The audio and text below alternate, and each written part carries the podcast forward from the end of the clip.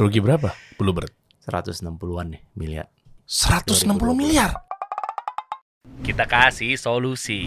Pak Sigit, waduh, CEO Bluebird loh, Bluebird Group ya, ada grupnya. Ya Bluebird aja, Bluebird TPK lah. Bluebird, oh tuh iya IPO ya. Iya, iya. Wah mantap, sehat Pak ya. Alhamdulillah. Viral loh Pak kemarin. ini mau klarifikasi ya. Rame, polemik dan seterusnya. Jadi Pak Sigit ini tiba-tiba menyamar jadi driver Bluebird, turun ke jalan. Nah ini foto-fotonya. Ini viral banget nih. Akhirnya Alhamdulillah dengan privilege centang biru, komen saya dilirik juga sama beliau ya. Kalau nggak centang biru kayaknya nggak dilirik kayaknya Pak. saya komen di salah satu postingan media, saya bilang, wah ini keren nih idenya nih, turun langsung ke lapangan, masya Allah Pak, saya tunggu Pak di podcast kasih solusi. Ya, akhirnya kita ngobrol ya. Iya, iya. Kalau nggak centang nggak mau balas apa ya? Eh. jangan diulang ya, jangan diulang. Jangan diulang ya. Nih kan rame banget. Waduh, masya Allah. Saya mau tahu objektifnya apa, Pak?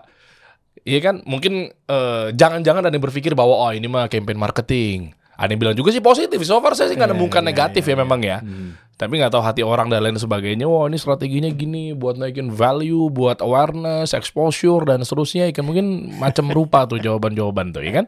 Iya, iya. Nah, terus eh eh, yang menariknya adalah begitu Bapak turun menjadi driver, gimana kok kondisi lapangan? Kan ada yang bilang juga kan driver itu ada targetnya. Hmm, hmm, Tembus nggak tuh Pak targetnya Pak untuk setoran?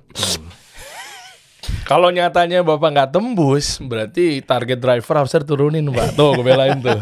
gue belain tuh. Teman-teman pastikan nonton sampai akhir. Kenapa? Karena eh, banyak yang mau kita kupas terkait apakah strategi Bluebird saat ini juga berinovasi di era disrupsi ini, online masuk.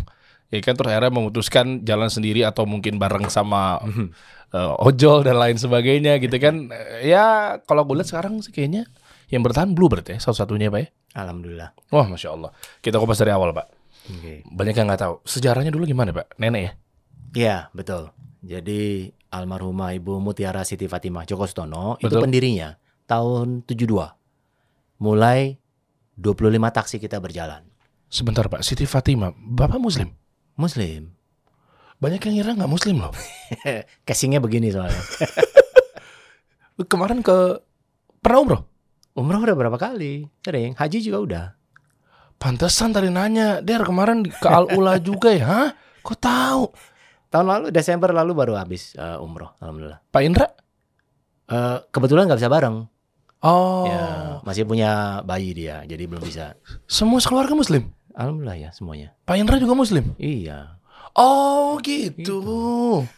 ya, ya, clear teman-teman semua ya. Oke, lanjut Pak. Akhirnya nenek punya anak. Nenek punya anak. Lalu tahun 72 itu mulailah eh, jalan taksi kita sebelumnya di tahun eh, sebelumnya ini tahun 60-an itu belum punya taksi, tapi sejarahnya mulai dari jualan batik, jualan telur karena kan sepeninggal dari Profesor Joko Stono itu eh, orang tua nggak punya pendapatan kan sebagai guru saat itu lalu Hmm. janda ya kan ini ibu loh janda Iya. jadi kan eh, tahun 72 beliau itu umur 50 buka usaha. Taksi bisa bayangkan ya tahun 72 buka usaha taksi janda di mana industri itu industri cowok. Wow, Mobil. wow, wow, betul, betul. Ya kan umurnya udah 50-an waktu itu. Oke, satu arma, satu pesawat apa? Satu pesawat tuh. Apa satu mobil? Eh, dari sebelumnya dari cuman eh, mobil taksi gelap 2 3 mobil gitu kan nambah terus langsung punya izin taksi 25. Nah, tahun 72 beroperasi lah izin kita pertama. Tapi sebelumnya tadi itu jualan batik, jualan telur untuk ngidupin keluarga. Nggak dapet, nggak cukup. Akhirnya berusaha lah gimana. Oh, kebetulan saat itu gubernur Ali Sadikin ya saat itu. Oh ya, ya. Ya kan buat eh, regulasi taksi. Ya, oh ini nih lumayan. Karena dapat hadiah mobil dua dari pemerintah waktu itu. Oh. mau diapain nih ya gitu. Oh. Jagonya bukan jagonya bisanya waktu itu ya jalanin kendaraan. Ya sudahlah mulai ajukan izin. Minta bantuan sana sini sini dapat ya mulailah berak- eh, beroperasi. Nah makanya kita Bluebird kita sebut ulang tahun kita 1 Mei 72 Oh, satu Mei-nya apa? Karena tanggal 1 Mei beroperasi mobil pertamanya jalan Oh, bukan karena Gitu. bareng sama buruh. Bukan, belum itu belum ada buruh. belum ada hari buruh ya. Jadi mulai Oke. begitu. Terus berjalan tahun 72 Hmm. eh, Nama udah dari- Bluebird ya? Namanya udah mulai Bluebird. Oke, lalu eh, strategi apa yang dipakai waktu itu? Ikliaran aja udah di jalanan. Eh iya, ada ada yang namanya em, apa eh, pangkalan dulu ya, Hmm. pangkalan taksi ataupun tamu melalui telepon pesan Wih. gitu. Dari saat itu kita eh, sudah mulai menjalankan eh, pesanan taksi melalui telepon Mm, ya. ya, Ya. tapi masih dicatat di kertas, belum ada komputer, lalu juga udah pakai argometer. Karena Ah. zaman itu argometer belum ada, semua kan masih argo borongan, semua jalannya. Mulai jalan dari situ awal-awal. Loh vendornya argumeternya itu dari mana? Import. Mobil kita kan Holden Torana waktu itu ambil dari Australia. Mungkin udah banyak yang nggak kenal ya Holden Torana sekarang kan. Oh, Holden, Torana. Iya, Iya. iya, iya, iya. Ya. Oke, dulu arahnya ada berapa taksi selain Bluebird ya? Dulu cukup banyak ya, ada puluhan taksi, Bluebird kecil, jumlahnya baru mulai 25, ada yang udah ratusan, ada yang juga perusahaan-perusahaannya juga ada lebih besar ya. Oh, ada yang putih, ada yang kuning ya. Ya, yang kuning Oh. juga cukup banyak tuh waktu Oh, itu kan, iya. dominan. Masih ingat ya umurnya kira-kira ya. saya ingat banget waktu itu kuning, setiap kuning saya waktu itu nggak mau pesan yang itu sama ibu saya, mual. saya nggak nyebutin merek ya. Saya waktu itu kan mungkin AC-nya apa segala macamnya dulu tuh. Iya. Ingat SD kelas 1 tuh. Oh, oke. Lalu eh struktur organisasinya dulu berapa orang? Pak Sigit belum masuk ya? Belum, karena saya baru lahir waktu itu. Terus timnya siapa? Ya timnya ya profesional ya manajemen dari anak eh, dari dua anaknya Hmm. dari anak-anaknya Hmm. untuk ya mulai di apa mulai bantu lalu juga eh, hire orang kan pasti ada ada Hmm. kepala pool ada bagian administrasi dan yang lainnya mulai berjalan Oke, anaknya bapak berarti empat waktu itu ya? Eh, Kan ya Nenek punya eh, punya anak, tiga tiga. gitu. tiga tiganya bantu ya Hmm. kan ada orang tua saya Om. ada dua eh, saudaranya Hmm, gitu ada om saya ada tante Hmm. saya gitu nah habis itu udah berjalan terus Mm-mm. Terus ya em, apa dengan manajemen adanya, ada di bawah-bawahnya juga ada. Tapi ngerasain berdarah-darah gak sih Pak? Maksudnya selama ngebangun bisnis itu pernah ngerasain Bluebird Group ini ternyata dulunya sempet sulit. Kan kayak sekarang kan banyak usaha kan gak gampang tiba-tiba langsung sukses kan? Iya kan? Pasti kan gak mungkin tiba-tiba udah punya Tesla warna putih parkir di depan kantor saya mobil yang pintunya kebuka ke atas itu kan belum ada ya Pak ya? belum ada, Belum ada tuh ya. belum, belum, belum. Masya Allah. Itu sempat ngera- ngerasain seperti itu Pak ya? Banyak. Jadi tantangan memang nggak mudah dalam hal eh, menjalankan operasional taksi. Ada juga kesulitan cari customer, kesulitan maintenance, supply, funding, dapetin pangkalan. Itu juga perjuangan fisik dulu. Kalau saya dengar dan juga sempat melihat dan eh, ngalamin orang tua dan paman saya juga Wush. mempertahankan pangkalan itu pakai fisik. Waduh. Gitu kan tau lah kalau kita bicara terminal Blok M, Oh, terminal iya. Senen, Waduh. airport Kemayoran, zaman-zaman dulu itu kan ya Iya. yang jaga-jaga kayak dulu film-film Ya, ya. film-film dulu itu kan kira-kira ya yang jaganya begitulah. Iya betul. Nah, ya jadi apa perjuangan fisik untuk mempertahankan dan tantangan-tantangan yang ada itu selalu muncul di setiap zaman yang kita alami ya. Hmm. Gitu. Tapi ya ya harus jalan aja ya memang udah bisnisnya sudah dijalanin Rumusnya apa? Gimana caranya nentuin positioning atau value dari awal sehingga grafiknya tuh naik terus gitu? Em, kalau saya lihat ya dari awal fokus pertama adalah layanan. Jadi kenapa Bluebird waktu itu muncul tahun 72 Hmm. merupakan perusahaan taksi pertama yang pakai argometer. Karena Hmm. saat itu kalau tamu mau naik taksi bingung bayarnya berapa. Loh, emang emang sempet kayak gitu kok? Saya waktu di masa kecil saya masuk kayak semuanya argo deh. Eh, udah beres berarti. Oh, emang sebelumnya tawar menawar gitu? Tawar nawar, Emang argo iya? borongan. Iya. Kayak bajai. Iya. Bang, taksi Mau berhenti. ke Blok M, mau lima ribu, dua puluh ribu, ya tergantung mau ya udah pindah gitu. Oh, saya dulu waktu itu 3000 ya? Argo. Udah lupa. Dulu tuh. Pokoknya era saya kalau nggak salah urutannya saya lupa ada berapa deh. Apa eh enggak nih. Sekarang berapa? Eh, sekarang 8.500 flat fall ya. Saya lupa kalau nggak salah maksimal dulu 3000 ke bawah atau Ya, gimana lah. Jadi dulu kan nggak ada argo, jadi nggak ada nggak ada ukuran resmi gitu. Hmm. Jadi kan kita tidak tahu tamu juga tergantung. Oh biasanya saya bayar sepuluh ribu ya tergantung. Nah akhirnya ada argometer untuk memastikan eh, bayar itu sesuai dengan jaraknya. Yang pertama punya argometer Bluebird. Bluebird implementasi. Dan Jadi- memang begitu habit di luar negeri juga begitu. Eh iya kita bawa alat itu dari luar negeri. Iya maksud, lah ya. memang gitu. default setting taksi itu argo. Iya argometer. Hitungan Oh. berdasarkan jarak kan. Iya iya iya. Oh, oke. Habis itu pasang AC. Zaman dulu kan kita bicara tahun 70-an mobil nggak banyak pakai AC kan. Iya, iya. Lubang AC-nya aja nggak ada. Tambahlah AC di bawah dan terus tambah call center, Oh iya. tambah komputerisasi. Uh. tambah GPS masuk tahun 2000, tambah aplikasi terakhirnya, tambah cara pembayaran, tambah digitalisasi semuanya. Jadi tiap zaman punya Uh. banyak tantangannya Mas Dery. Dan setiap fitur-fitur itu layanannya berbeda ya? Berbeda-beda. Ya kan kalau dulu eh, banyak lebih ke fisikal ya Hmm. kayaknya kendaraannya harus yang paling bagus. Kita pilih eh, kendaraan juga spesifik yang memang kualitasnya baik. Mm-mm. Kedua, kita pilih layanan juga untuk bisa menunjang eh, kenyamanan customer gitu Iya, kan ya. oke. Lalu kayak buat buat call center itu kan ya biaya ya, lalu Mm-mm. habis itu pusingnya banyak gitu Mm-mm, ya, terus mm. tantangannya juga eh, sulit gitu, catetin, pakai radio untuk dispatch. Oh iya. Ya kan, zaman dulu kan Oh, radio iya. berisikan gitu. Iya betul. Oh, ya, jalan melawai, melawai, melawai. Siapa yang nyebutin gitu kan? Oh iya bener. Eh, lo bayangin ada ada lima pengemudi muncul nomor satu, nomor dua, nomor tiga. Si operator harus dengerin gitu nomor berapa. Oh dua nomor satu belum tentu paling deket. Cuma minta aja udah ya. Iya bisa deket, bisa jauh. Makanya sistem GPS membantu untuk bisa dipilih yang terdekat ya. Kira-kira tahun 2000 kita implementasi Oh eh, iya. GPS dengan sistem data dan segala macam. Ya mulailah bertahap terus eh, tiap zamannya ada inovasi. Kalau kalau saya bilang sih tiap zaman ada masanya lah Iya, gitu betul. ya. Dan betul ya keunggulan pelayanan Bluebird bukan karena pasti di depan saya. Memang dari dulu tuh eh, ya udah dikedepankan gitu mengenai pelayanan. Kenapa? Karena menurut saya pada saat itu satu-satunya maskapai atau ya taksi lah ya. Taksi yang bisa ngebangunin orang untuk janjian berangkat jam segitu tuh. Udah kayak keluarga.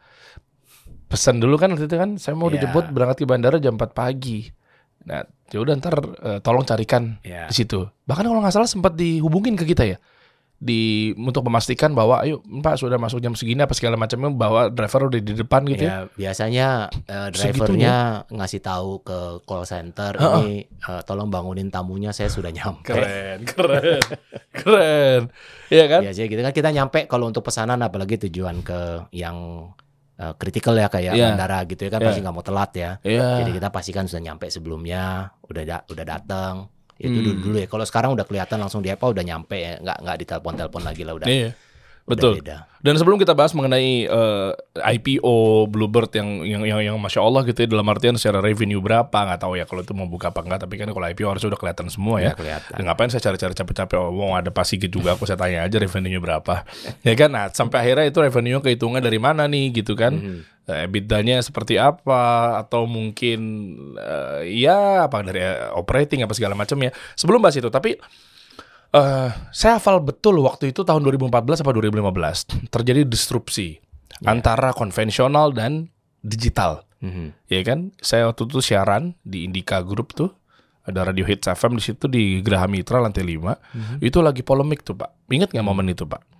Ya. yang di depan kantor saya kelihatan di Jalan Gatot Subroto, ya Iya, kan? Ada rusuh tuh demo lah apa segala macem.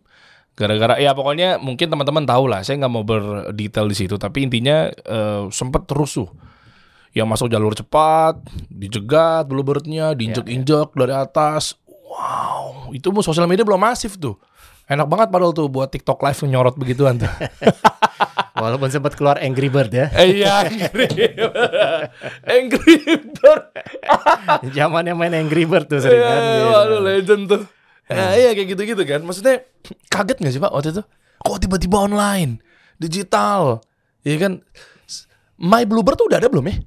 Kita sudah ada. Kok nggak teroptimasi ya? Apa saya salah? Mungkin fokusnya kita berbeda. Bahwa kalau yang digital itu hanya itu caranya dia untuk memesan. Buat Bluebird kita punya banyak channel untuk memesan. Salah satunya My Bluebird, ada call center, ada Hmm. pangkalan sehingga memang mungkin saat itu kita akui eh, kurang fokus terhadap yang digital. Ah, makanya terakuisisi. Ya makanya Enggak yang yang yang digital jauh lebih cepat. Kedua, em, mungkin kalau kita bicara tahun tersebut ya kita ngomong bakar uang nggak banyak yang ngerti ya. Tapi kalau sekarang kita flashback, kenapa bisa begitu? Ya karena itulah gitu. Kenapa waktu itu nggak bakar uang juga Bluebird? Ya, nggak punya duit mas. Ah masa? Coba 2015 masih ingat nggak Pak kira-kira? Tahun-tahun segitulah. Iya. Revenue-nya berapa per tahun? Omset? Eh, kalau nggak salah hampir 6 triliun lebih ya. Itu uang Pak Sigit. Iya, tapi lawannya kan puluhan triliun ya. Oh. Kedua, eh, fokus kita bukan hanya terhadap eh, promosional dari situ. Dari awal kita lihat fokusnya adalah pelayanan. Channel pemesanan itu sebagai salah satu cara mengakses layanan kita. Oh, oke. Itu core yang pada akhirnya kita eh, temukan ya dan kita fokus pada hal tersebut. Iya, oke. Maksud saya kan 6 triliun. Emang nggak bisa? Mungkin waktu saya itu. agak lupa-lupa ya. itu Ya, ya, yang oke, oke. ya. Itulah pokoknya ya. Ya, Anyway, pokoknya ya ada duit lah, tapi nggak cukup lah untuk bakar duit gitu kira-kira ya. Oh, emang harus banget dibakar ya buat oh jadi market leader ya? Gimana caranya kalau biayanya bisa 50% lebih murah? Loh, Hmm. biaya BBM, biaya beli mobil, biaya komisi ataupun eh, bayaran driver itu bisa lebih tinggi daripada tamunya bayar. Kan perusahaan berarti dari operating cost-nya saja sudah rugi terus kan? Lalu gimana Hmm. survivability-nya? Kan itu berarti memang lagi banyak promo lah. Dan awal-awal memang model bisnisnya banyak promo dan memang berhasil lah masuk ke dalam model seperti itu. Tapi di tahun itu begitu keluar My Bluebird, era kapitalis udah ada tuh di situ. kita My Bluebird 2014 ya kalau nggak salah ya 2014 Era itu ya tapi memang kita itu sebagai additional channel itu sudah masuk tuh mulai nah eh, fokusnya adalah pada pelayanan tetapnya. My Bluebirdnya mulai muncul. Hmm. lalu eh, penggunaannya meningkat tapi memang kalah jauh dibanding dengan eh, kompetitor ya. Saat itu yang memang fokus dan memang memberikan promo yang jauh besar-besaran gitu ya. Kita lihat mana promosi yang besar itu yang dipakai ya gitu. Kira-kira nah uang promosi itu yang masuk dalam kategori tadi lah. Oke, nah itu alasannya gara-gara disrupsi itu memutuskan untuk gabung sama Gokar. Eh, ya banyak hal ya banyak hal Enggak hanya itu. eh, itu hasilnya tapi dalam proses kita memikirkan mencari strategi untuk bisa bertahan mengembalikan kita harus punya satu strategi inti yang tadi pada akhirnya saya sebutkan di awal itu eh, multi channel Hmm. jadi kita tahu kita harus jati diri kita adalah pelayanan Oke. sehingga kita harus bisa membuka layanan kita terhadap siapa pun karena kita tidak memegang kontrol terhadap uh, channel tersebut tapi kita juga tetap harus punya Bluebird bisa diakses melalui aplikasi My Bluebird Mm-mm. bisa melalui call center Mm-mm. bisa di pangkalan Mm-mm. ya kan itu konvensional channel tuh yang ke pangkalan kan stop di jalan dan segala Iya. macam tetap harus ada Oke. plus sama partner kolaborasi. Nah, Hmm. kita siap kolaborasi akhirnya. Oke, kita putuskan kolaborasi dengan partner yang lain, kita buka channel kita untuk bisa diakses orang yang lain. Masing-masing membutuhkan kan ya, Oke. gitu. Jadi mereka juga butuh eh, apa? tambahan supply, kita juga butuh em, apa namanya? eh, tambahan demand. Hmm. Akhirnya ya kolaborasi, win-win. Oh, win-win ya. Saya setuju sih ya di sini. Tapi eh, bagaimana dengan sudut pandang orang-orang berpikir bahwa ya gabung juga loh jadi ke online ke mungkin platform yang Ya. ya tadi kita sebut saja lah ya Gokar ya apa segala Iya. macam ya. Eh, dengar nggak desas-desus bahwa kayak wah kan nyerah juga kan, gabung kan. Ini ini nih eh, kita coba di tengah ya. Iya. Saya coba ada kubu-kubu yang beranggapan seperti itu kan. Iya. Wah dia nggak kuat nih ternyata nih berdiri sendiri mau nggak mau dia harus Mhm. ah, macam-macam lah polemik saya tahu tuh laporan ini itu bahkan nggak sedikit juga mungkin yang tadinya eh, drivernya misalnya apa segala macamnya itu gimana menghadapi itu Pak Sigit? Ya banyak ya pasti yang Hmm. ngomongin mengenai oh kok begini, oh ngalah juga gitu dan Iya, segala macam. Tapi ya eh, kita tetap harus fokus ya apa yang mau kita jalankan dan eh, saya eh, melihatnya dan manajemen saat itu juga ya cukup yakin ini adalah pilihan yang terbaik dari yang memang kita miliki ya. Hmm. Pilihannya nggak banyak memang, tapi kita yakin ini adalah strategi yang harus kita jalankan saat itu. Berarti paling gede dari situ income ya? Enggak juga. Enggak juga. Oh iya, oh saya pikir gara-gara gabung kolaborasi Ya, ternyata yang layanan yang namanya apa sih di situ? eh, Go Bluebird. Go Bluebird. Iya. Ya, Go Bluebird, Go, Go, Go Bluebird Bluebird, itu paling tinggi revenue-nya. Enggak juga. Jadi oh iya. Jadi kalau memang kita lihat masanya berbeda waktu pada saat memang disrupsi ya mulai itu mulai banyak gitu ya. Mm, mm, mm. Nambah akhirnya membantu porsinya membesar gitu. Tapi Oh. pada akhirnya porsi kita cukup masih mayoritas.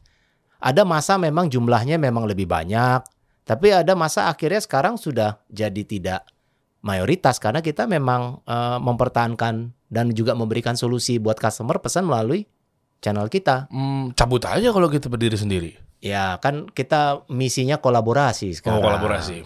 Jadi kita yakin nggak bisa kita jalan sendiri lah gitu. Kolaborasi sama-sama ada win-win ya. Mereka perlu kita, kita juga perlu mereka ya koeksis Oh. lah.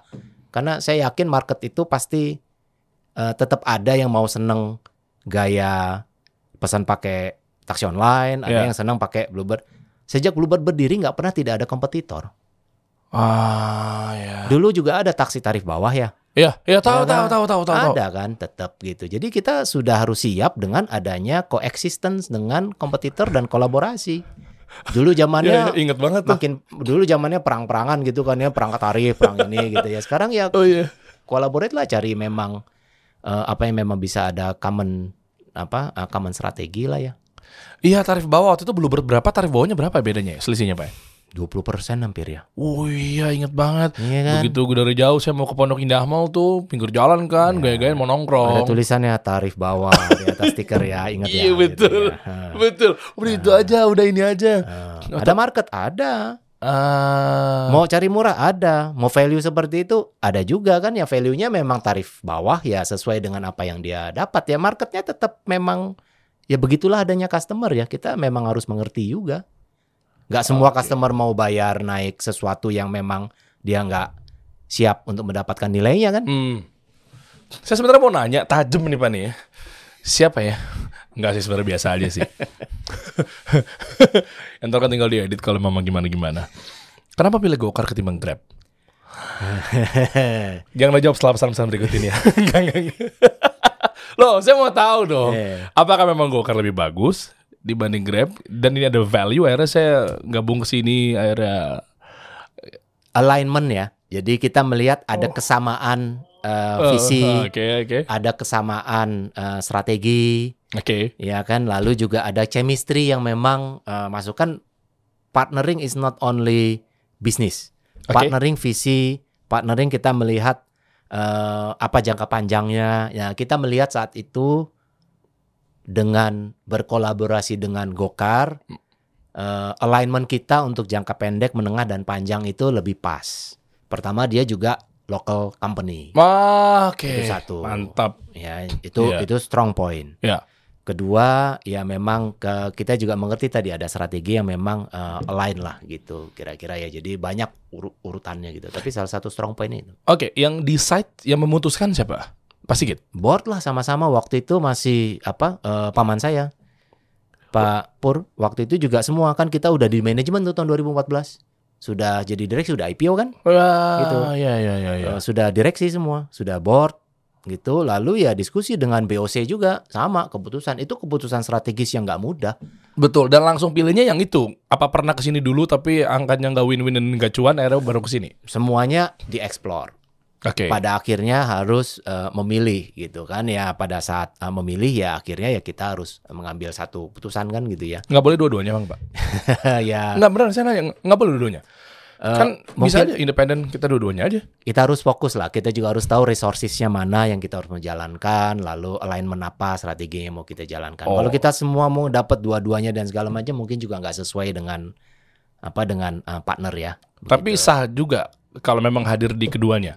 Antara hijau yang ini sama hijau yang ini. Eh, Apa memang ada ada. undang-undang, hukum dan lain-lain? Bukan, kalau deal dan segala macam enggak, tapi Bebas kita dong. bebas Oh, gitu bebas. kan. Oke. Jadi itu kan kita tidak boleh adanya monopoli ya, begitu ya. Tapi kita memang melihat deal yang memang kita jalankan, kita fokus dulu kan nggak gampang ya buat integrasi dan menyiapkan itu. Lu bayangin kalau itu kan driver juga harus pakai aplikasinya, Iya, ya kan? betul. Ada aplikasi kita, ada aplikasi partner. Ya. Nah, kalau ada dua atau tiga aplikasi partner, implementasi operasionalnya gimana? Kan berat juga. Hmm, hmm. Jadi faktor operasional, faktor implementasi, faktor tahapan. Nah, kita siap partnering itu bukan hanya di level fisiknya tapi di level digitalnya dengan ya apa sih namanya istilah API lah dan segala macam ya, ya, API. begitu. Nah, itu yang menjadi apa eh, strategi jangka menengahnya supaya nggak mengganggu lah buat driver nggak pusing. Maksudnya nanti kayak driver punya tiga handphone gitu kan Oh, ya. iya.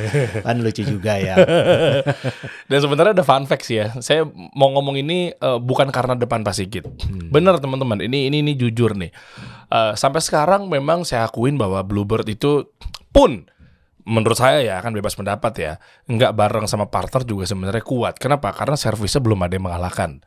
Untuk yang masuk di ranah konvensional sampai sekarang ya, kita nggak hitung masalah bakar duit, kita nggak hitung itu dulu lah. Maksudnya kita benar-benar yang hitungnya secara ya bootstrap dan lain sebagainya. Profit and loss lah mindsetnya Hmm. bukan valuasi. Artinya gini, eh, fun fact-nya adalah eh, ada dari internal dan eksternal. Mhm. Ya, ada satu dari istri saya. Oke. Ya, istri saya itu eh, ada satu dan lain hal ya, gara-gara mungkin cerita ini, pengalaman ini, akhirnya sampai sekarang dijatuh hati sama Bluebird. Ini beneran Pak. Saya lagi nggak jadi muka depan Bapak gitu ya. Tapi kalau Bapak menanggapi itu adalah sebagai nilai peluang kolaborasi, ya alhamdulillah. Tapi beneran, ini beneran Mbak. Eh, sampai akhirnya dia mau pesan lewat eh, My Bluebird atau partner. Mhm. Tapi pilihnya tetap Bl- Bluebird. Mhm. Kenapa? Karena Bluebird itu nanti sih juga sebenarnya mau tabayun, mau nanya gitu, mau klarifikasi Bapak terutama apakah memang ini bagian dari SOP atau enggak untuk drivernya minimal atau layanannya. Istri saya yang bilang, kalau saya sih mungkin tengah-tengah lah, kita objektif aja. Tapi istri saya selalu bilang bahwa ke mana-mana Bluebird. Kenapa? Karena gimana ngomongnya? Eh, Bluebird itu eh, rapi, drivernya eh, wangi, Terima kasih. Iya itu bener, itu bener, sama-sama pak. Eh ya pokoknya begitulah, nyaman dan seterusnya. Itu karena perempuan kali ya masuk dalam kalau udah seng seng seng seng kan gimana gitu. Perempuan ke situ. Nanti ada lagi dari faktor eksternal. Kawan saya Panji Pragiwaksono nanti saya ceritain. Akhirnya sampai sekarang begitu melulu. Nah saya nggak tahu ya ini mungkin eh, nggak tahu masukan nggak tahu apa tapi saya harus objektif ceritanya. Soalnya kalau yang lainnya menurut istri saya eh gimana ya? Mungkin kan ada yang nginep di mobil, ada yang mungkin merantau, tidurnya di eh, toilet eh, pom bensin dan seterusnya. Akhirnya kan baju kan mungkin ada di bagasi, Ya. tidur juga dia di situ tapi mungkin ya mungkin dia ini itu dan seterusnya. Akhirnya jadi nggak nyaman. Ya, ya. Itu ya kalau dari saya fakta yang itu. Tapi yang dan yang kedua adalah kemarin saya ngundang Panji Pragiwaksono. Ini true story beneran. Eh, terus eh, Panji itu mesennya Bluebird. Karena waktu itu betul ya Dim ya. Karena dia nggak bawa kendaraan. Keman Terima kasih Mas Panji. Wih mantap. Siap siap. Ji ini beneran nih Ji. Gue jujur-jujuran aja nih Ji. Ya kan? Kali-kali gue ngomongin dulu jadi brand ambassador Ji. Tapi beneran. Ji lo mana-mana? Ya Bluebird gue lah. Lo gak bawa mobil? Enggak Kenapa? Satu. Nah ini ceritain sama dia. Ya kalau oke lah. Kalau bawa mobil pasti tahu lah. Mungkin capek apa segala macam macet apa segala macam ya. Terus dia mau balik nih. Habis syuting kita, Panji udah tayang belum sih? Belum, ya. Dengan kita syuting ini belum tayang ya. Eh, episode tadi ya. Balik nih. Ke mana sih? Kantor gue. Ayo udah. Pesan tuh manajernya. Pesan Bluebird. Oh siap. Ternyata ah udah deh biar cepat kita ke pinggir jalan aja langsung. Akhirnya gue nanya sama manajernya Pak Sigit. Kenapa eh, pilihnya Bluebird? Nah ada lagi nih sudut pandang yang berbeda. Drivernya nggak ngajak kita ngobrol yang terlalu panjang nggak nggak ya maaf ya mungkin bahasa kasarnya kagak ngebacot gitu loh nah itu. Makanya saya mau nanya apakah ini bagian dari pelayanan? Karena nggak semua tapi kalau yang online mayoritas atau sebagiannya saya pun merasakannya. Ya mungkin SKSD Da- itu positif ya. Saya nggak lagi bahas yang negatifnya ya. Mau di SKSD mau dia ngebluffing mau dia caper mau dia apa itu pilihan. Tapi kan ada juga orang ketika capek kan nggak nyaman ya. Ya, ya, ya. Nah, ini menariknya gini. Boleh tahu nggak Pak, sebenarnya itu apakah itu bagian dari SOP, drivernya kalem-kalem aja, cool, dalam artian eh, ya nggak yang berisik gitu loh. Ya, Eh, memang memang kita latih driver itu ya. Ada seleksi, ada training, Oke, ada mentoring, Ya. ada pembinaan, ada SOP, ada feedback, control, punishment and reward. Jadi satu banyak banget. satu deretan nggak bisa selesai dengan satu satu langkah aja gitu ya. Eh, kita mengerti masih ada beberapa eh, apa layanan-layanan kita yang memang kalau tadi kebersihan kita tahu lah mungkin ada yang juga ada yang agak kotor, ada yang Ya. ada yang bersih, tapi mudah-mudahan range itu masih bisa kita pertahankan ya dan Oke. kita tetap harus improve. Kita juga nggak bisa bilang 100% kendaraan kita wangi. Kita juga dengar ada keluhan memang ya pengemudi kita kebetulan ya Kritis. em, apa ya bau juga gitu kan mobilnya Eh, pengemudi kita Pengemudi. ya Nah, terus solusinya gimana? ya kalau kita ada keluhan seperti itu pengemudi kita proses ya kan Oke. kita cek kita feedback apakah memang karena dia tidak mengerti dia bau badan Oh iya, bawa badan kan nggak ngerti ya Nggak soalnya ya. ngerti. kita berikan dia pendidikan gimana caranya untuk tidak bau badan Mm-mm. kita juga berikan faktor kebersihan kita juga memastikan mereka juga punya waktu untuk istirahat di pool-pool kita juga kita siapkan mes untuk mereka istirahat Oke. Jadi mereka memang pulang pagi, apa pergi pagi pulang malam, itu kendaraan SOP kita harus selalu dikontrol, dibersihkan, kan itu faktor kebersihan ya bau dan Ah, gitu. ah. Nah kalau tidak ada kontrol terhadap SOP kebersihan secara keseluruhan ya hasilnya bisa segala macam. Oh, Nah, iya. kita coba pertahankan itu ya terus. Lalu juga termasuk tadi yang bicara dan Ya. eh, terlalu banyak apa, Ngomong. ada ngomong ya bacot ya gitu. Iya betul ya maksudnya. Apalagi kan artis ya, mungkin ada yang tahu kan, ih Iya. Panji nih. Jangan kan terkenal pak, maksudnya yang enggak juga kadang kan. Iya, saya deh contohnya deh sama Panji kan jauh lah, saya mah apalah gitu ya. Tapi maksudnya kan kayak ngomong juga kita kan pengen yang santai dulu, gue pengen kayak Iya. terbahan bentar nih mau scrolling scrolling, udah ngapa Iya. udah apa gitu kan, pengen banget negor gitu loh. itu kita latih dalam pendidikan tersebut dalam pelatihan diajarkan pengemudi itu harus greetings ya kan awal ya kan selamat pagi selamat siang Hmm, oke. cek kondisi tamu tujuan ke mana dan segala macam itu standarnya Mm-mm. lalu dia juga memang standarnya diam yang kita ajarkan kecuali tamu membuka percakapan dan kita jawab Hmm. gitu itu standarnya tapi namanya manusia kan kadang-kadang standar itu bisa berbeda-beda dan memang itu sangat sangat apa ya sangat fluid ya sangat eh, Ya, ya. apa tergantung situasi jadi kalau memang pengemudi bicara tamu bicara mereka eh, apa lanjut ya silakan tapi kita berikan guidance-nya apa pembicaraan yang memang boleh dan tidak boleh Oh benar, ternyata ada Gitu. aturan mainnya Jadi, di situ ya. di- diajarkan, tapi memang ada aja memang pengemudi yang memang ya nangkep lah atau ya kebablasan lah ngomongnya satu Ya. dua. Tapi overall, alhamdulillah itu bisa em, apa banyak kita kontrol karena tadi juga ada faktor kontrolnya di belakang. Apabila tamu memang komplain, pengemudi dapat feedback dan diajarkan lagi. Oh yang kamu lakukan Hmm. salah loh. Kan dia mungkin kadang-kadang nggak ngerti ya. Dia pikir Ya. oh ngomong begininya oke nanya ibu bapak mau ke mana ini apa oh ini segala macam bicara-bicara gitu kan Sibuknya apa? kadang-kadang katanya tamunya komplain dikasih tahu kamu pikir kamu eh, apa pikir sudah ngomongnya dikit nggak tahu masih kebanyakan kurangin dikit ya gitu Hmm. nah, kira-kira gitulah dibina Oh, dijagain juga ya, Ya, masya Allah. jadi nggak nggak bisa didiamkan gitu ya Hmm, oke. Dan eh, akhirnya SOP diatur dan lain sebagainya. Perubahannya gimana di era digital sekarang? Makin naikkah atau sama? Bagaimana, Pak? apanya nih makanya Ya, omset ya, omset ya. Oh. Oh. Ya kita alhamdulillah ya dalam proses memang eh, kembali ke masa pre pandemi Oke. gitu. Jadi eh, kita sedang eh, mengarah untuk eh, memperbaiki kinerja kita yang sebelumnya sempat eh, terganggu. Jadi alhamdulillah kepercayaan customer tetap masih eh, bisa berjalan dengan baik. Eh, pengemudi tetap harus kita bisa pertahankan pelayanannya karena fokus kita di situ saja. Kita kuatkan dari faktor pelayanan dan kami yakin customer akan tetap eh, apa memilih yang eh, lebih dianggap pelayanannya baik. Oh, ujung-ujungnya tetap itu ya berarti ya. Iya.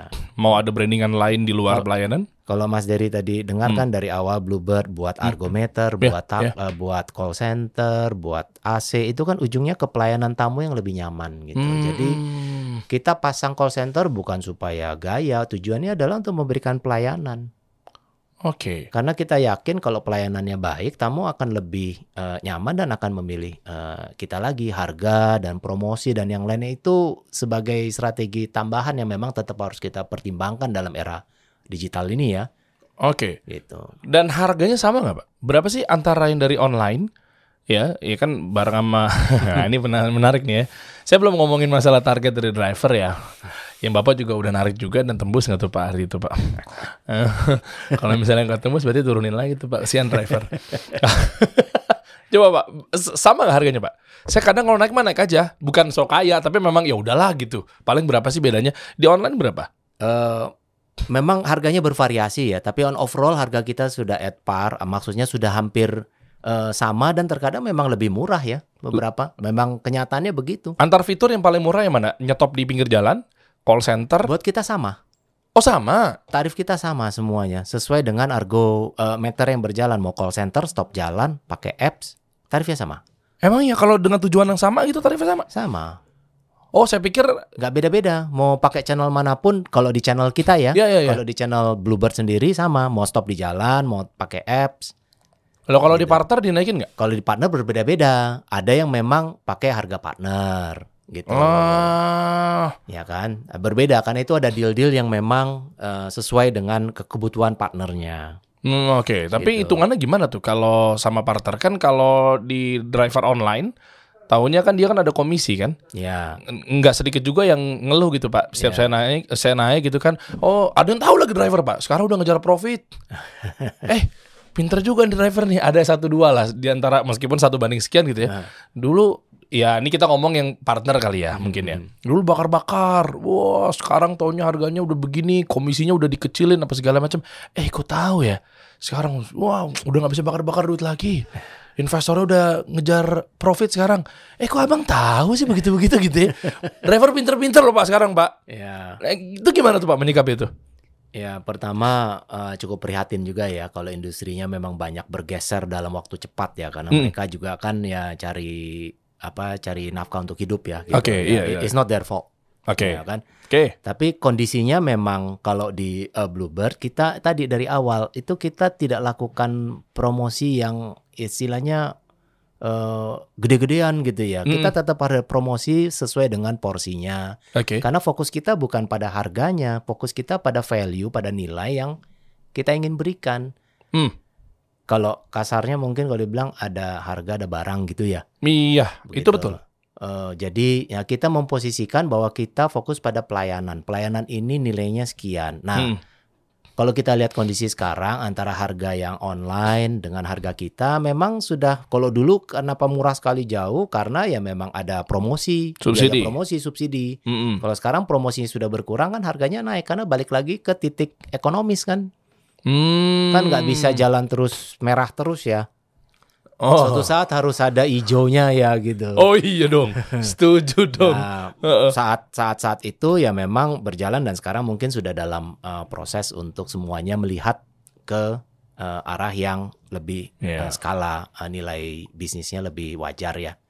Jadi harga selisih kita dengan yang lain ya bisa dibilang sudah hampir insignifikan ya. Hmm, ya, yang namanya perusahaan juga yang ngejar ijo lah. Kemarin sempat merah apalagi pandemi ya pak ya. Semua merah lah kalau pandemi. Rugi berapa? Bluebird. 160-an nih miliar di waktu di 160 2020. miliar. ya 160 lebih kalau nggak salah. Hei parah ya. Iya. Ya masih untung kita bisa bertahan ya. Udah balik belum? Alhamdulillah sudah balik sekarang. Kok cepet? Ya kepercayaan Wow, customer wow. dan eh, strategi kita yang pas, eh, fokus pada pelayanan, eh, recovery itu cukup eh, banyak eh, membantu ya. Peraturan pemerintah yang juga mendukung. Ya gimana caranya dulu kalau ppkm dan segala macam nggak boleh jalan, nggak Ah, boleh keluar. Mau pakai harga murah pun nggak boleh jalan, mau diapain? ah. Sekarang kan proses itu juga membantu. Jadi adanya perubahan policy dari pemerintah Hmm. membantu mobilitas bertambah.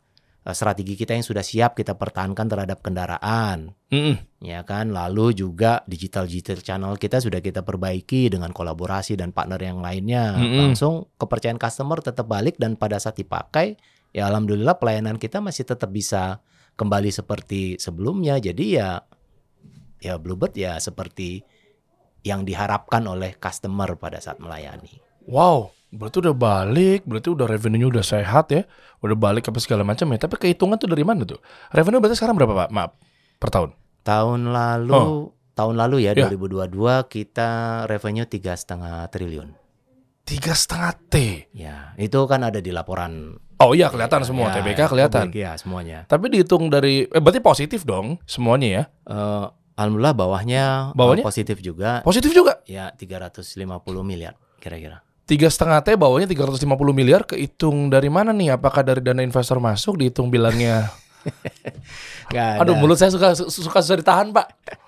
Eh, apa gimana? Itu operating? dari operating. Ah masa iya? dari operating Iya, masuk Nah, karena kan kita harus mempertahankan juga efisiensi kita juga harus eh, menjaga biaya-biaya yang tidak perlu eh, nggak keluar ya itu dari operating Wow, operating wow. income kita Nah, other income, eh, other income-nya apa aja?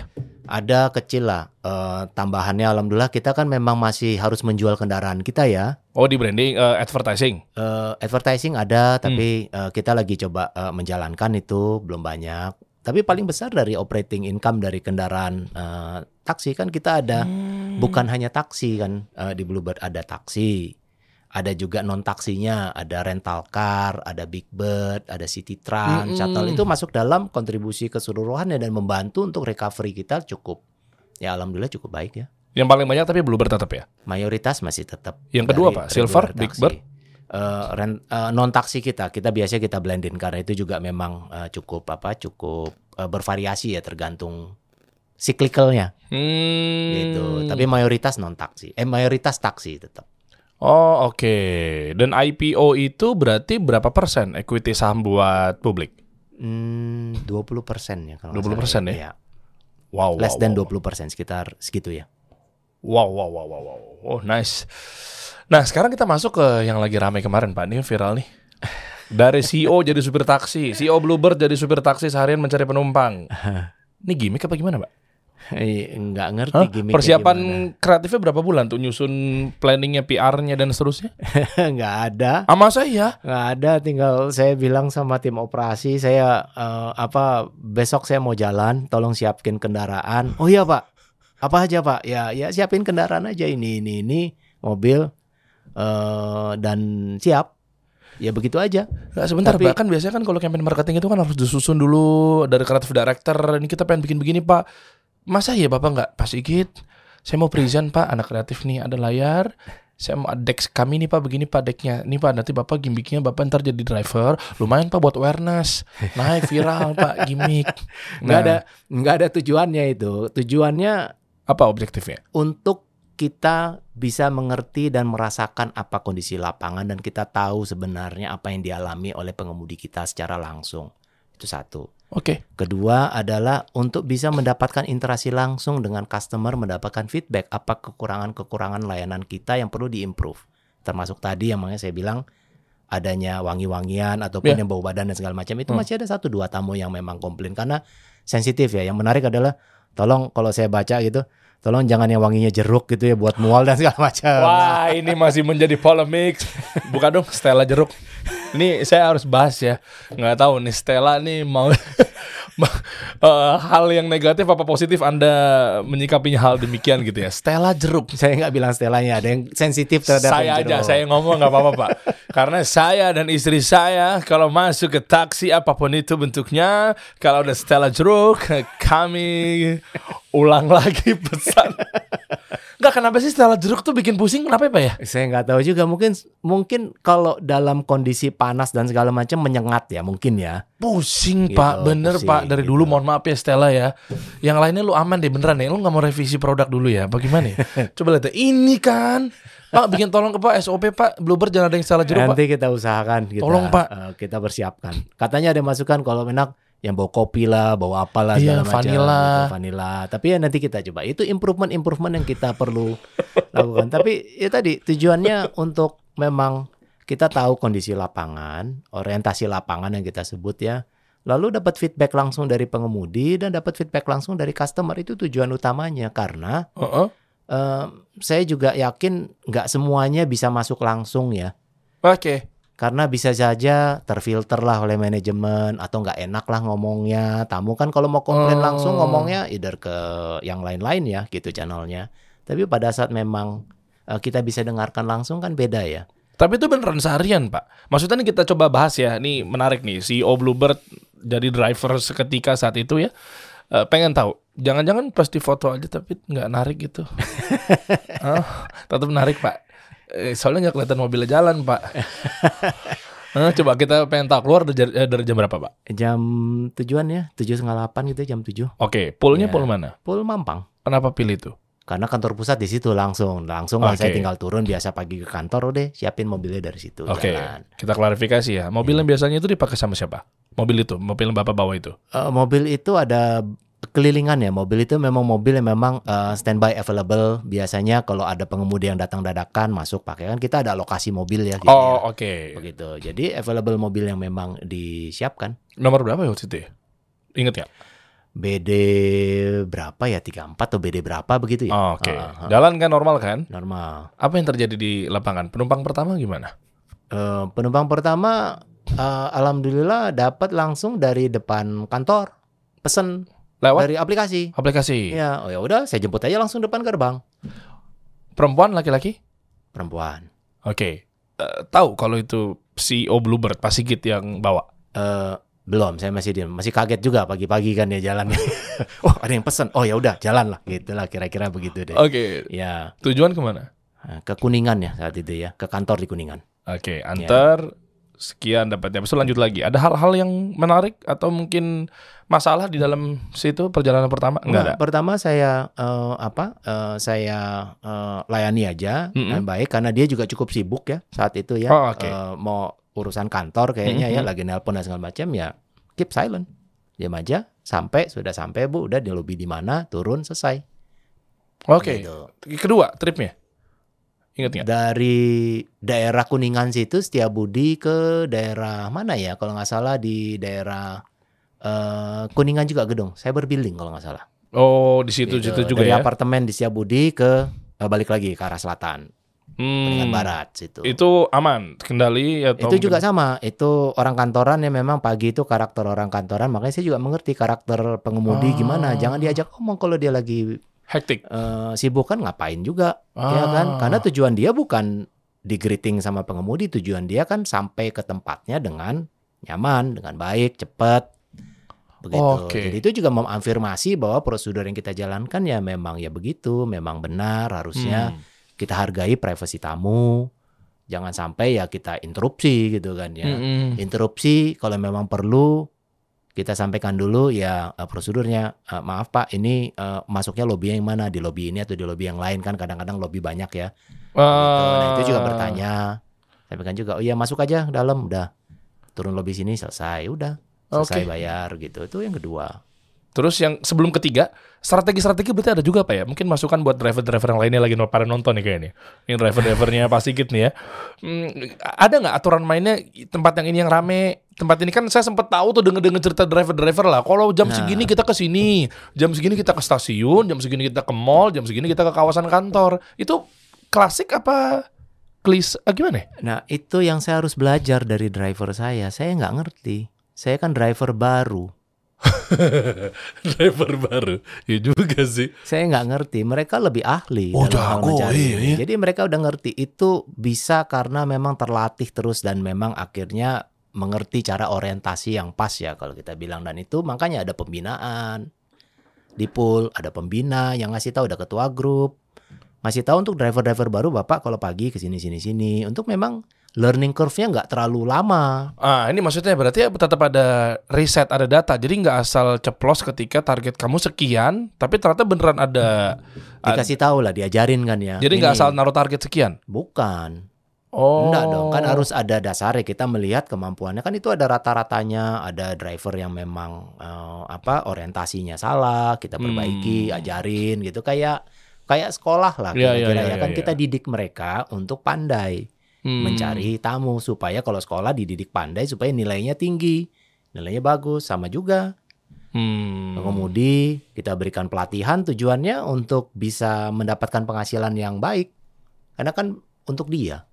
Hmm, Iya betul. Nanti untuk dia dan berapa target dan lain sebagainya kita eh, cari tahu teman-teman guys setelah eh, trip yang udah dijalanin sama Pak Sigit. Yang ketiga trip apa Pak?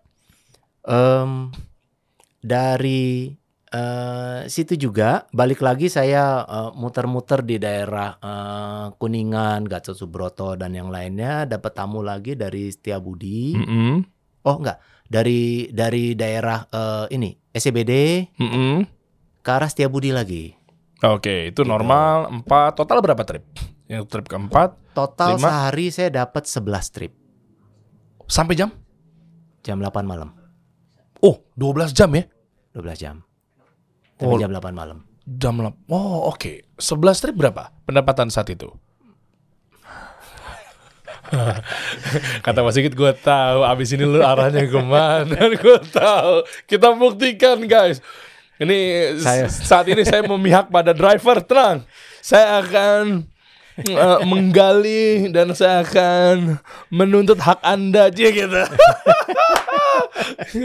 Eh. Saya, sa- saya bukan benchmark lah. Gitu. Oh, oh ya oke, itu fair. Setuju. Saya bukan bagus benchmark. sekali, diplomatis sekali pasti gitu nih. Tapi bagus tuh. Karena banyak driver yang jauh lebih pandai dari Oke, saya. nggak Tapi apa-apa. saya merasakan tujuannya karena bukan untuk mencari eh, income. Buat saya bukan untuk melihat dan mengukur target, merasakan kesulitan apa yang terjadi karena Oh, oke. Objektifnya memang di setnya ke sana. Iya, lalu Oke. juga memang melihat apakah yang memang dicapai itu perlu bantuan apa. eh, supaya kita dari sisi policy, dari sisi peraturan, dari sisi apa pun yang kita bisa bantu dari membuat eh, driver itu pendapatannya meningkat, kita perbaiki. Nah, dalam Masya hal Allah. itu kita belajar banyak Hmm. dari kan gini ya. Eh, kalau saya melihatnya mengetahui sama merasakan berbeda, apalagi mengalami. Nah, dengan Hmm. mengalami langsung itu sangat memberikan dampak apa eh, eh, dampak pemikiran yang lebih dalam. Betul, setuju. Jadi gini, memang kalau tadi penjelasan Pak Sigit itu nggak melulu target utama di set untuk mencapai, misalnya oke lah ongkos harian saat itu, Ya. tapi ternyata ada jauh lebih penting guys. Ini beneran loh. Eh, Bayangkan ketika memang eh, cuma hanya ditujukannya kepada targetnya aja. Misal nih, misal Ya. sekian ya kamu ya dapatnya ya. Oke, soran nanti ke pool sekian gitu, drivernya, apa segala macamnya. Memang target mau di set kayak gimana pun segala cara insya Allah ikhtiarnya bisa kita tempuh. Mau dari sekian, 50 ribu, 100 ribu, dan seterusnya itu oke lah.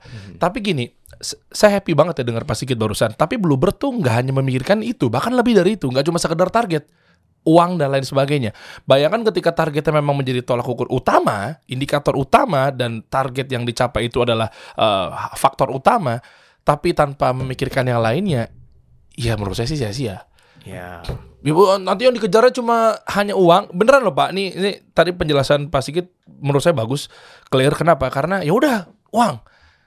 Tapi kalau itu selesai didapat Ya. tapi tidak dibarengi atau mungkin ada hal yang lebih diprioritaskan daripada sekedar uang, tinggal hitungan jari sih perusahaannya selesai. Nanti ujung-ujungnya drivernya mau makan apa? Uang uang penting ya. Oh penting Pak. Uang penting, tapi eh, uang bukan segalanya. Oh iya iya. Jadi memang target perlu ada karena kan kita berjalan untuk mencapai suatu target. Mm-mm. Nah, untuk mencapai target itu kita ajari pengemudi bagaimana caranya. Hmm. Untuk saya bisa mengajari dengan lebih benar dan manajemen kita lebih matang Ya. mengajarinya, kita harus merasakan kesulitan mereka. Nggak gampang mencari tamu yang kita pikirkan gitu ya. Mm-mm. Untuk yang pertama. Tapi kalau mereka sudah pandai kan kayak eh, apa ya orang belajar lama-lama dia pinter. Iya iya nah, iya. dididik terus, Betul. diajari, di training. Selain itu kita juga belajar selama Bluebird eh, berdiri, nggak bisa kita berikan semuanya saat bersamaan hanya di satu hari itu. Hmm, ya. Sama kayak kita ngelihatnya kalau orang tua sama anak ya kita didik ya, kita nggak kasih bonusnya. Kalau dia puasa sehari 100 ribu, kalau terakhir nanti udah satu bulan gitu berkasih deh Ya. 3 juta nih. gitu Reward ya. rewardnya. Nah itu Eh. juga sama, didiknya ada kecil kecil kecil kecil, ada reward, ada faktor-faktor lain, Hmm. eh, atensi, Hmm. eh, penghargaan, kan Oh, ternyata sampai ke situ.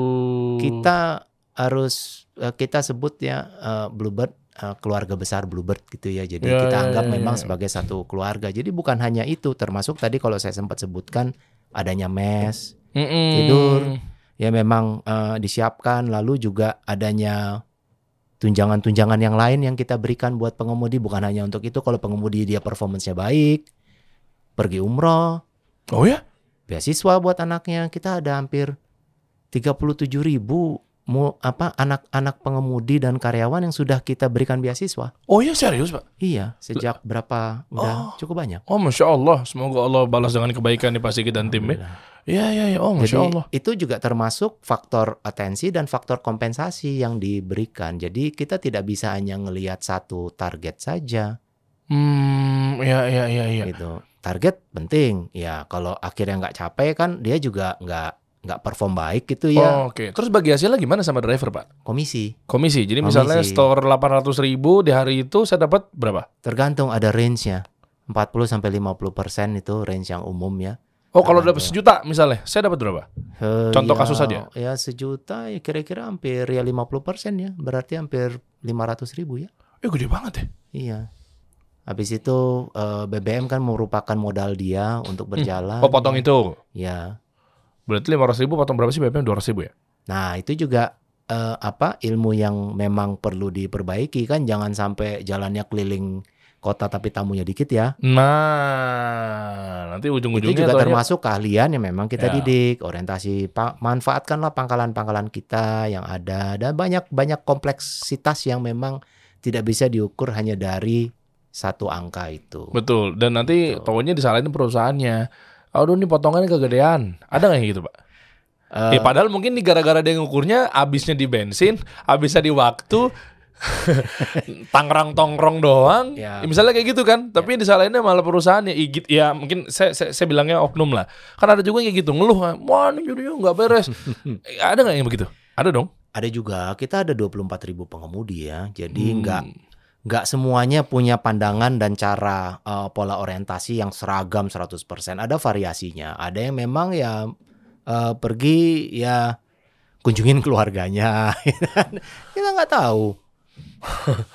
Tapi yang disalahin Bluebird-nya. Iya, enggak juga sih ya, tapi dia merasakan apa yang dia jalankan. Kalau dia jalan terus nggak nyari tamu untuk kunjungin keluarga, yang bayar argonya siapa? Kan ada BBM-nya yang dia jalan. Iya. Ya kan ya dia mau jalan itu ya ya memang hak dia dia berjalan memang mobil diserahkan untuk dioperasikan mencari tamu. Nah kalau dia nggak mencari tamu kan Iya. Nah, modalnya kan dipakai untuk hal yang tidak produktif. Nah, kita ajarkan kan, Bapak kalau mau jalan ini jangan begini. Ah, Oke. Dan mobil itu milik dia kalau udah lima tahun. Ada beberapa yang memang kita ada program namanya program kepemilikan. Oke. Jadi setelah dia cicil ini, kalau pengemudi yang ikut program kepemilikan, Mm-mm. setelah dia cicil selama lima tahun, Mm. dia eh, mobilnya muat dia, milik dia. Oh, Oke. gitu. Wow. Lalu ya warnanya diganti, dijual dan itu milik dia. Kalau enggak ya yang program umumnya semuanya ya kita jual lagi. Mobil pengemudi dapat kendaraan yang lain lagi berjalan. Oke, tapi itu masih sehat pak mobilnya pak. Kan sekarang lagi rame mobil bekas taksi. Oh dijagain kalau yang mobil itu kan Ah. eh, apa kan ada perawatan ya tetap ya. Kan kita tetap mau jalan mobil sampai 4 tahun sampai lima tahun ya. Gitu. Jadi tetap dijagain. Maintenance-nya kan tetap rutin. Tapi yang namanya memang umur kendaraan sesuai dengan porsinya mobil udah lima tahun. Kilometer sekian ya porsinya segitu. nggak bisa kita harapkan seperti mobil baru. Mm-mm. Tapi kan mobil masalahnya tinggal diperbaiki aja kan? Betul betul. Iya kan? Dan kenapa sih Pak? Saya masih penasaran. Kenapa yang tadinya Vios jadi Limo, yang tadinya eh, apa tr- Transmover apa ya sebelumnya?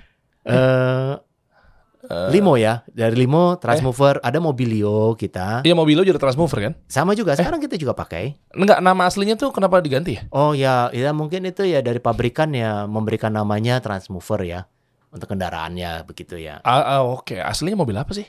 Avanza base-nya. Oh Avanza ya? Oh Avanza yang baru ya? Belum, belum. Belum. Oh iya iya iya iya iya. Avanza. Kenapa nggak pakai Avanza? Karena itu buat Spesifik buat taksi ya gitu. Mungkin buat mereka taksi. memikirkan hal-hal yang lain yang eh, pertimbangan mereka jangan disebutkan nama Avanza, disebutkan nama Transmover, tapi basicnya Avanza. Kenapa takut ngaruh ke value-nya jadi turun? nggak tahu lah. ya, ya kita pilih kendaraan itu tadi pertanyaannya Hmm. dari Limo yang memang ber, berinovasi juga. Kata kita lihat customer memang mengharapkan kendaraan MPV muatnya mau lebih banyak Hmm. gitu daripada kendaraan sedan ya siapkan kendaraannya yang memang sesuai dengan harapan customer ya. Iya. Kan nggak mungkin harapan customer maunya ke sini kita berikan yang lain gitu kita paksain gitu kan Hmm. kecewa dong gitu. Kayak Masya saya yakin yang bau-bau jeruk wangi karena saya selera jeruk. yang lain komplain terus iya, kalau iya. dipaksain. Tapi memang kesimpulannya ngobrol sama Pak Sigit selaku CEO Bluebird deh. eh, wow, saya masih menemukan bahwa konsistennya Bluebird hingga kini servis pelayanan oke. Kami sekeluarga ya, maksudnya saya sama istri saya kalau taksi mager bawa mobil dan seterusnya kita pilihnya sih memang iya either itu di My Bluebird atau di partner kita masuknya ke situ. Karena eh klasik sih sebetulnya sih Pak. Kayak ya udah bersih. Ya kan? Karena mobilnya kan pasti dia ke pool ya. Bo- Tiap iya, hari tiap boleh hari bawa, pulang. bawa pulang gak sih mobil? Enggak boleh. emang iya? Tiap hari pulang pul. Kok saya pernah ngeliat mobil Bluebird keparkir di Ada program-program yang memang sebagian dia beroperasi untuk di, kita izinkan untuk daerah-daerah tertentu untuk eh, apa eh, membawa ke daerah eh, Oh. rumahnya. Tapi tetap standarnya harus kita jaga. Oh, Tapi oke. semuanya hampir bisa dibilang hampir hampir 95% 100% pergi pagi pulang malam dicuci pagi beres mobil bersihkan jalan lagi kan itu quality control yang hmm, perlu dipertahankan ya karena kita tahu tadi driver eh, hubungannya terhadap kebersihan di tamu. ya di drivernya apa segala macam ya tapi kalau berbicara mengenai driver ada fun fact lagi nih Pak Nah, ya apa nih? nggak tahu nih Bapak menyikapinya hal demikian nih apa Eh kenapa fenomenal belakangan ini ketika saya naik taksi eh iya Bluebird gitu ya kok banyak pindah dari online nih dari online ke Bluebird tuh kenapa Hmm, tamunya atau Enggak, eh, drivernya. drivernya. Belakangan ini dari mana Mas? Sudah lama Mas Bluebird? Baru Mas. Dua bulan. Oh, dari mana sebelumnya? Ini, itu. Ini ini ada apa nih Pak? Kalau boleh tahu. Karena yang di seberang potongan yang lebih besar. Nggak, tapi ini, ini fun fact. Ini serius, ini Ya. serius. Hmm. Iya banyak faktor ya menurut saya tapi mungkin salah satu faktornya mereka sudah melihat dan menilai apa yang sesuai dan cocok dengan uh, karakter mereka.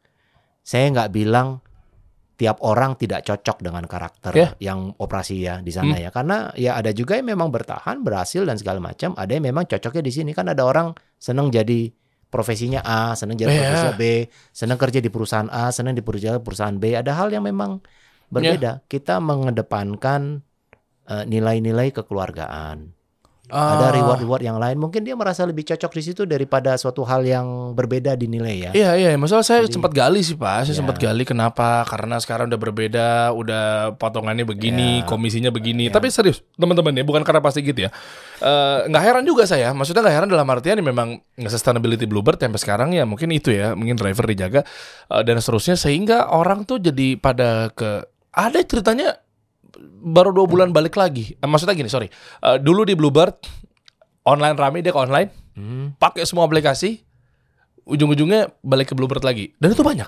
Eh, ada Oh ya? lumayan Saya dengar sendiri langsung. sama karena kalau kita dengar istilah ya rumput tetangga lebih hijau ya Ya, ya, ya, ya. Ya, tapi lama-lama dia lihat nggak hijau-hijau juga mungkin yang lebih enak kali ya gitu. Aduh, pas warnanya hijau juga lagi ya.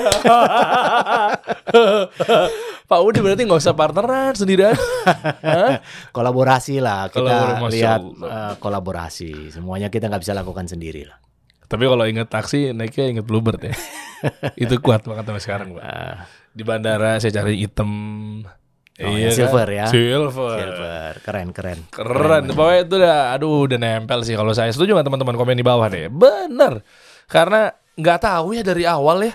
Saya ngelihat bahwa perkembangan apalagi zaman sekarang terus eh, saya juga nomor dua lah, bukan gaya-gayaan, bukan sombong-sombongan. Eh, harga tuh mungkin nomor dua kalau saya. Oke lah, murah-murah dikit di aplikasi yang sana apa segala macamnya. Tapi saya sama istri saya punya cerita sendiri sih, sama orang-orang lain juga sama lah. Maksudnya kalau untuk Bluebird coba ke bawah deh, driver-drivernya gitu kan, kayak vibes-nya kali ya nggak tahu ya. Nah ini juga ketemu mereka-mereka tahu pak. Nih pak, ini viral Ya. kemarin Pak Sigit sama ketemu driver-driver yang lainnya di Oh, Pangkalan, iya kan? Iya. Mm, mm, mm. Ini vibes-nya, kebersihannya, nggak tahu ya. Ingat, ya nggak sih Dimas? Ingat taksi, ingat Bluebird gak sih? Iya ya, kalau saya sih appreciate. Semoga Allah balas kebaikan Pak Sigit. Terima Ada yang mau ditambahin Pak kepada para penumpang di sini? Apa mungkin para driver? Ya, mungkin pertama Hmm. untuk para uh, driver ya, uh, saya merasakan apa yang kalian rasakan gitu ya. Dan saya mengerti, uh, perusahaan mengerti dan kita terus berusaha sama-sama untuk memperbaiki. Saya tidak bisa lakukan semuanya sendiri. Oke. Kita harus sama-sama dan kita mengerti. Ada langkah-langkah suatu perjalanan yang kita jalankan sama-sama untuk memperbaiki. Nggak bisa dalam waktu cepat, tapi ada beberapa hal yang mudah-mudahan insya Allah kita bisa perbaiki cepat. Eh, dengan jajaran manajemen, dengan jajaran dipul, itu perbaikan-perbaikan yang kita eh, bisa siapkan. Buat para pelanggan ya, Iya. eh, terima kasih kepercayaannya. Karena tanpa pelanggan yang memang menggunakan kita, ya kita eh, nggak bisa mendapatkan eh, recovery percuma gitu. Mau harga bagus, layanan bagus, kalau memang pada akhirnya pelanggannya nggak memilih. Iya. Jadi ya terima kasih saya ucapkan. Jangan ragu-ragu kalau memang mau menyampaikan keluhan karena kita sangat butuh Hmm. input Hmm. untuk improvement. Nggak nggak hanya sampai satu aja, improvement yang kecil pun, improvement yang eh, besar pun, keluhan yang lainnya, tim customer service kita, tim pool kita, tim eh, semuanya jajaran eh, kami pastikan untuk bisa menjawab eh, sesuai dengan waktunya Iya. termasuk mengembalikan barang, termasuk hal-hal yang memang komplain keluhan-keluhan yang memang kita perlu perbaiki. Kita tahu kita tidak sempurna, kita tahu masih Masya banyak Allah. beberapa kekurangan-kekurangan. Tapi ya, ya kami harapkan para tamu, para pelanggan juga cukup bersabar bersama kami sama-sama kita bangun. Masya Allah. untuk eh, transportasi yang lebih baik ya. gitu. Masya Allah, makasih Pak Sigit ya. Haru ya, maksudnya memang Bluebird ini saya mengenalnya dengan disiplin dalam hal pelayanan, ya tanggung jawab, konsisten, ya apa pun itu inovasi gitu ya. Itu yang, yang, yang bisa dibilang setuju nggak teman-teman? Eh, mungkin saya mau ngajak teman-teman komen di bawah deh. Ingat Bluebird, ingat apa? Coba kita lihat nanti komennya. Nah, iya beneran beneran. Artinya jasaannya, wow dari dulu sampai sekarang dan seterusnya. Maksudnya eh ya nggak ikut-ikutan giliran ada yang begini dia tenang kalem nggak gerabak gerubuk gitu coba komen di bawah ingat bluebird ingat apa teman-teman ya saya tunggu ya nanti seru tapi pertanyaan terakhir pak Iya, iya. Nikita Willy kalau naik bluebird bayar nggak pak Loh, saya nanya bener. Saya nanya. Kan siapa tahu order dari Ciputat sampai ke Majalengka kan kita nggak tahu kan. Hah, dapat privilege nggak? Saya aja kalau naik bayar kok. Salam buat Pak Indra ya. terima kasih, terima kasih. Kita kasih solusi.